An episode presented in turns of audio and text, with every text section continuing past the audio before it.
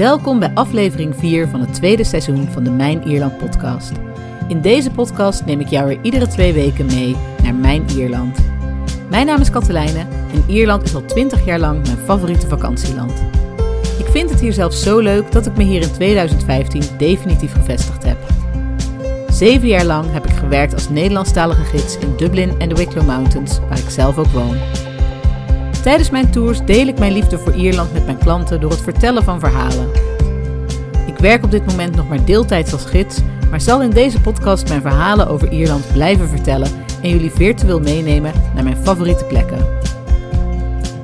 Deze podcast wordt op geen enkele wijze gesponsord en alle tips die ik geef zijn puur mijn eigen persoonlijke aanbevelingen, zonder dat ik daar iets voor terugkrijg.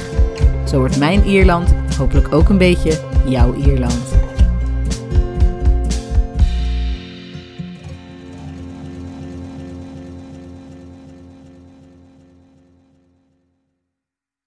Vandaag gaan we de kustlijn rondom Dublin verkennen. Ik neem jullie mee vanaf Howth via Malahide, Dunleary, Dalkey, Killiney en Bray naar Greystones. Deze plaatsen zijn allemaal met de lokale trein de Dart te bereiken. Voor de Dart kun je een regulier kaartje kopen, maar je kunt ook de Leapcard gebruiken. Hiermee ben je vaak goedkoper uit. Als toerist kun je een Leapcard voor 1, 3 of 7 dagen aanschaffen. Je kunt de kaart online bestellen of kopen bij de Spar of de W.H. Smith op Dublin Airport of in het centrum van Dublin bij het kantoor van Dublin Bus op O'Connell Street. Het is erg leuk om je citytrip naar Dublin aan te vullen met een ritje langs de kust en één of meerdere van deze plaatsen aan te doen.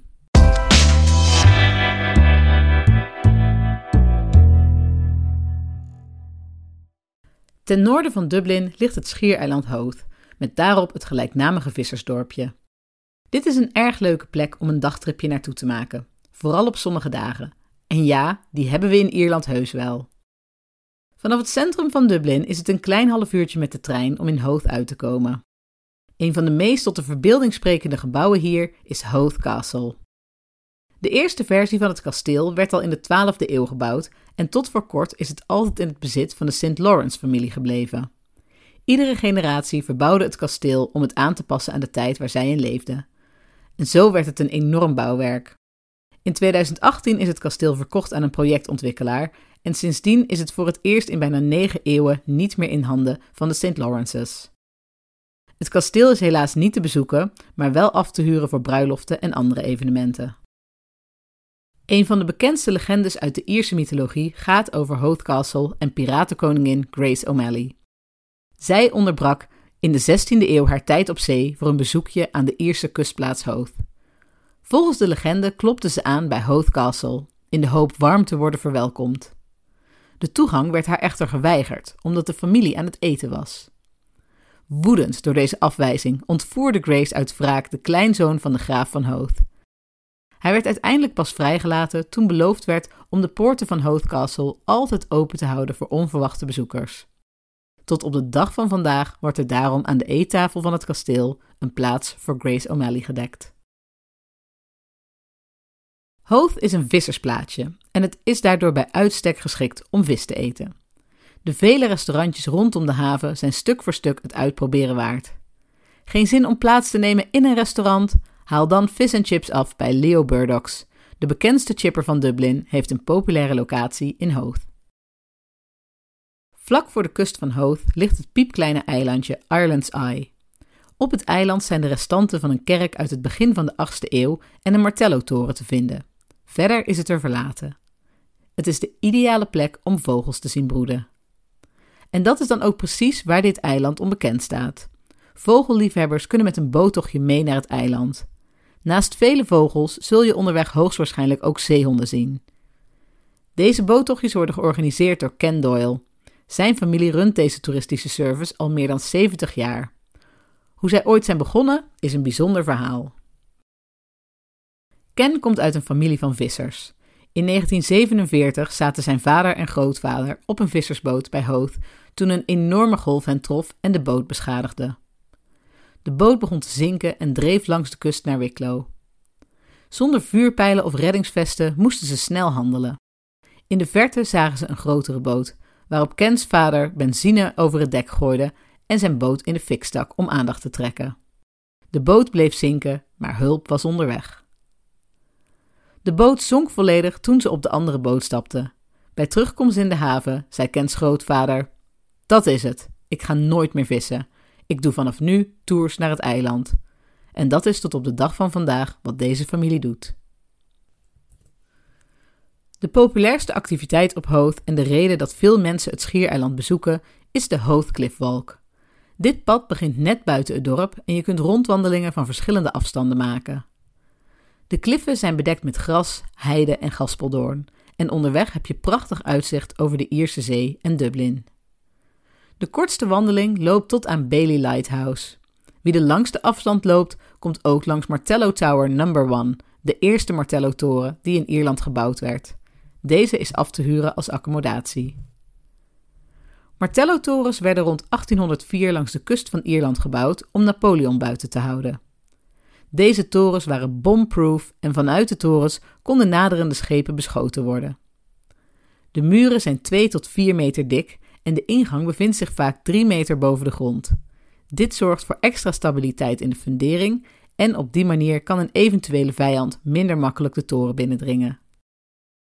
In totaal werden in Ierland 50 van deze torens gebouwd, maar ze zijn nooit in gebruik genomen omdat Napoleon Ierland nooit is binnengevallen. Er wordt echter gedacht dat dit mede te danken is aan de vele Martello-torens. Er waren namelijk wel degelijk plannen om via Ierland Groot-Brittannië binnen te vallen. Tegenwoordig staan er nog 21 torens overeind die allemaal een verschillende functie hebben. Lokale gids John O'Connor woont al meer dan 60 jaar in Hoth en vertelt je graag meer over zijn woonplaats. Uh, my name is John, John O'Connor, and I drive the local train here, the tourist train around the village. I've been living here in Hoth since 1959, which is a long, long time. Just to give you a brief history of the village, the uh, harbour here was built originally as the main port between Dublin, between Ireland and England, and the packet ships are the mail boats used to sail from here to Holyhead. So all the communications, the letters and the post, going back over hundreds of years, would come out by stagecoach to Hope, and they would catch the packet ships here to Holyhead. But unfortunately, after, after the harbour was built, within 20 years, the harbour started to silt up, and the boats were too big to fit into the harbour anymore, so they had to move the whole packet ship and mail boat to Dunleary, which is on the other side of Dublin Bay. But the village itself has been reliant on fishing for hundreds of years. A hundred years ago, a famous sailing ship called the Asgard sailed into Hope, and it tied up down by the lighthouse there, and they landed 800 rifles for the Irish volunteers and 800 men marched up the East Pier there, led by Michael Collins and Eamon de Valera, who later went on to become President of Ireland. And they marched up along the pier with the rifles on their shoulders, off to fight for Irish freedom.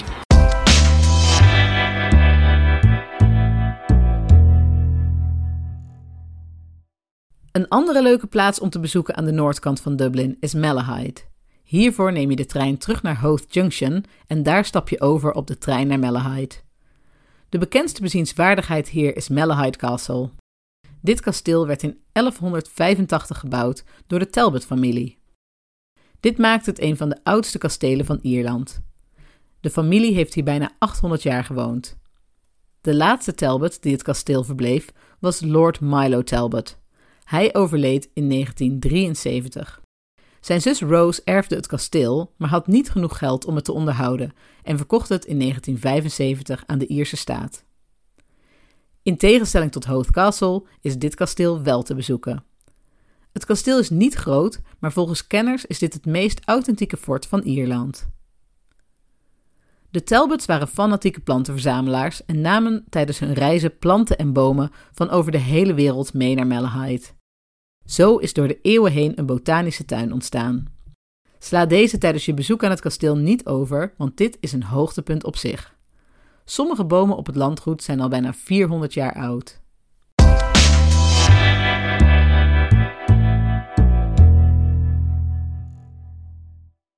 Als je vanuit Dublin de trein naar het zuiden neemt, kom je eerst door een aantal buitenwijken van de stad. Vervolgens rijd je met de trein vlak langs de kust en kom je uiteindelijk in het plaatsje Dunleary. Dat schrijf je D-U-N spatie L-A-O-G-H-A-I-R-E. De plaats is vernoemd naar King Leary MacNeil, die hier in de 5e eeuw woonde. In 1821 werd de plaats Kingstown genoemd, naar aanleiding van een bezoek van de Britse koning. Maar zodra Ierland een vrijstaat werd, is dit meteen terugveranderd in Dunleary. Aan het begin van de 19e eeuw was Dublin een belangrijke havenstad. Maar doordat de haven van Dublin onderdeel van de rivier de Liffey was en de havenmond vrij smal was, moesten de schepen vaak op zee wachten tot ze de haven binnen konden. Maar dit kon erg gevaarlijk zijn bij slecht weer. Tijdens een storm in 1807 liepen er in één nacht twee schepen op de rotsen en verdronken meer dan 400 mensen. Hierdoor werd de behoefte aan een haven in de buurt van Dublin steeds groter. En daarom werd in 1816 gestart met de bouw van de haven van Dunleary. 42 jaar later was de haven klaar. Voor de bouw van de haven werd lokaal graniet uit Dalkey gebruikt. Bij de steengroeven moest in eerste instantie afgerekend worden op basis van hoeveel meter haven er gebouwd werd. Maar hier werd mee gefraudeerd door van datzelfde graniet ook huizen te bouwen. Toen besloten ze te meten hoeveel meter steen er uitgegraven werd en moest er per meter afgerekend worden. Maar de steengroefhouder verkocht voor het uitvoeren van de meting het gruis via de achterdeur en liet Dunleary nogmaals voor dat gruis betalen. Daarop besloot Dunleary om het gruis ook af te nemen en hiermee de kades op te hogen. Sindsdien verliep de verkoop via de regels. Tenminste, daar gaan we dan maar vanuit. Het Maritiem Museum van Dunleary is gevestigd in de Oude Marinierskerk. Mariniers waren verplicht om op zondag naar de kerk te gaan. Deze regel gold ook voor mariniers die iets strafbaars hadden gedaan. Voor hen waren er speciale zitplaatsen in hokjes waaruit ze niet konden ontsnappen. De kerktoren is later bijgebouwd en staat een halve meter van het gebouw af. Dat zie je niet, maar daardoor is de kerk nooit helemaal waterdicht geworden. Er sijpelt nog steeds water langs de toren.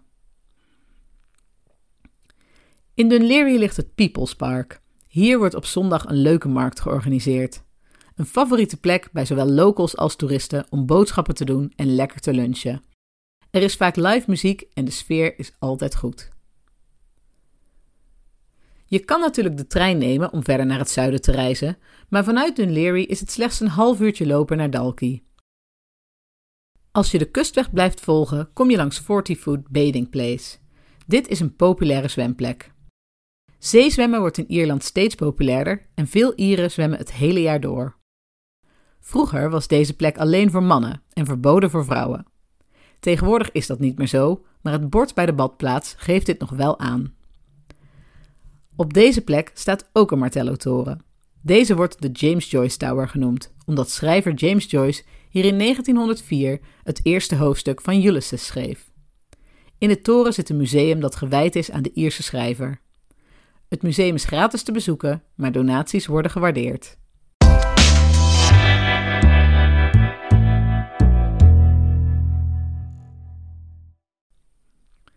Als je verder wandelt, kom je uiteindelijk in het stadje Dalkey aan. De plaats werd opgericht als vikingnederzetting en was in de middeleeuwen een belangrijke haven. Dit zorgde voor veel welvaart, maar het had ook nadelen. Zo kwam in de 14e eeuw via deze haven de pest Ierland binnen. En vanaf Dalkey Island, een klein eilandje dat hier vlak voor de kust ligt, werden Ierse slaven door de vikingen verkocht. In de 12e eeuw kwamen de Anglo-Normandiërs naar Dalkey en zij bouwden een aantal kastelen om goederen die via de haven Dalkey binnenkwamen in op te slaan. In een van die kastelen, Goat Castle, zit tegenwoordig een museum. Vanaf het einde van de 16e eeuw ging het financieel slecht met Dalkey en verlepte de plaats. Dit veranderde toen de steengroeven in Dalkey gebruikt werd voor de haven van Dunleary. Tegenwoordig bruist de plaats weer en kun je er goede restaurants vinden. Ben je nog niet klaar met wandelen? Loop dan door naar het station van Killiney. Je komt dan langs Sorrento Road en Vico Road. Hier staan kasten van huizen waar de rich en famous wonen.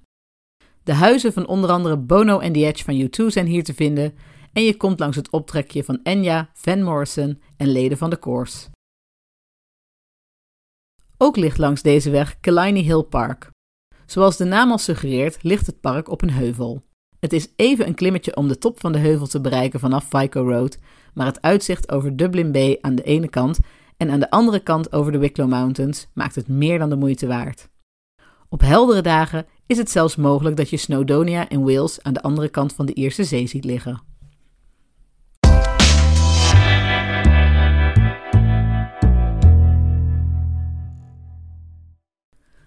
Om vanuit Killiney verder naar het zuiden te gaan, raad ik aan om weer in de trein te stappen. De DART rijdt de hele dag op en neer en er zijn meerdere treinen per uur, dus je hoeft nooit lang te wachten. Vanuit Killiney ben je binnen 10 minuten in Bray. Deze plaats ontwikkelde zich in de 12e eeuw rondom de manor van Sir Walter de Riddlesford. Dat bestond uit een kasteel en een kerk en een molen.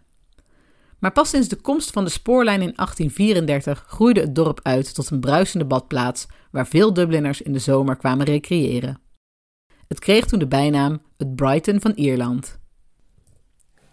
Bray heeft een groot kiezelstrand met een lange promenade. Op de promenade ligt Bray's bekendste bezienswaardigheid, het Aquarium Sea Life Bray. De naam Bray betekent in het Iers heuvel en verwijst naar Brayhead, een heuvel aan de rand van het dorp op de plek waar de cliffwalk naar Greystones begint. In 1950 werd hier een groot kruis op de top geplaatst. Ieder jaar op Goede Vrijdag klimmen honderden mensen naar het kruis toe in processie. Er lopen twee verschillende wandelroutes van Bray naar Greystones, over Bray Head en langs de kliffen. Het pad over Bray Head ligt hoger en dit biedt bij helder weer prachtig uitzicht. Bovendien vind je hier in het weekend Brew with a View, een rijdend koffietentje met heerlijke koffie en lekkernijen en bijzonder vriendelijke eigenaren. Het pad over Bray Head loopt niet helemaal naar Greystones, maar kan gecombineerd worden met het laatste stukje van het cliffpath. Het cliffpad ontstond toen de spoorlijn aangelegd werd. Een logischere plek voor deze spoorlijn zou de verder landinwaarts gelegen Glen of the Downs zijn geweest. Maar de landeigenaar, Lord Meath, wilde niet dat zijn land in tweeën gedeeld werd door een treinspoor. En dus gaf hij toestemming om het land langs de kust gratis te gebruiken. Het cliffpad werd aangelegd om werklui en materiaal bij de bouwplaats te kunnen krijgen. Alles moest met de hand gebracht worden en het werk was zwaar en gevaarlijk. Door erosie is de spoorlijn inmiddels al een paar keer verlegd. Op 8 augustus 1869 vond er een enorme ramp plaats. De trein van Enniscorthy naar Dublin ontspoorde door een kapotte verbinding op de brug die in het water gebouwd was. Twee passagiers overleden en 23 mensen, inclusief de machinist en reddingwerkers, raakten gewond. Het was extreem lastig om de rampplek te bereiken en de passagiers te evacueren. Na de crash werd er een nieuwe tunnel gegraven, dieper in de klif. Maar de oude tunnelopening is nog steeds te zien vanaf het klifpad. Toen de spoorlijn af was, bouwde Lord Mead een tolhuisje en begon hij een penny tol te vragen voor iedereen die van het pad gebruik wilde maken. Alleen op vrijdag was het pad gesloten, want dan maakte hij zelf gebruik van het pad. Op de lijstenen kliffen groeien prachtige planten en wie zijn ogen openhoudt, heeft kans om zeehonden langs de kust te zien zwemmen. Uiteindelijk komt het klifpad uit in Greystones. Eindig je cliffwalk met een duik in zee bij de Cove of met een veganistische versnapering bij de Happy Pair. Dit bekende café werd opgericht door de tweelingbroers Dave en Steve Flynn en is inmiddels een Iers fenomeen. Heb je geen zin om te lopen? De treinrit tussen deze twee plaatsen is ook erg mooi. Al ga je een deel van de reis door tunnels die het uitzicht ontnemen. Vanuit Greystones is het een klein uurtje met de trein terug naar Dublin. En daarmee zijn we aangekomen bij het einde van deze aflevering van de Mijn Ierland podcast. Een deel van de informatie uit deze podcast komt uit het boek Ierland de ultieme roadtrip dat ik in 2019 schreef. Wil je dit boek lezen? Bestel het dan via je plaatselijke boekhandel bol.com of via www.deultiemeroadtrip.nl. Deze podcast is een product van Witty Walks en mijnierland.nl. Vind je dit een leuke podcast?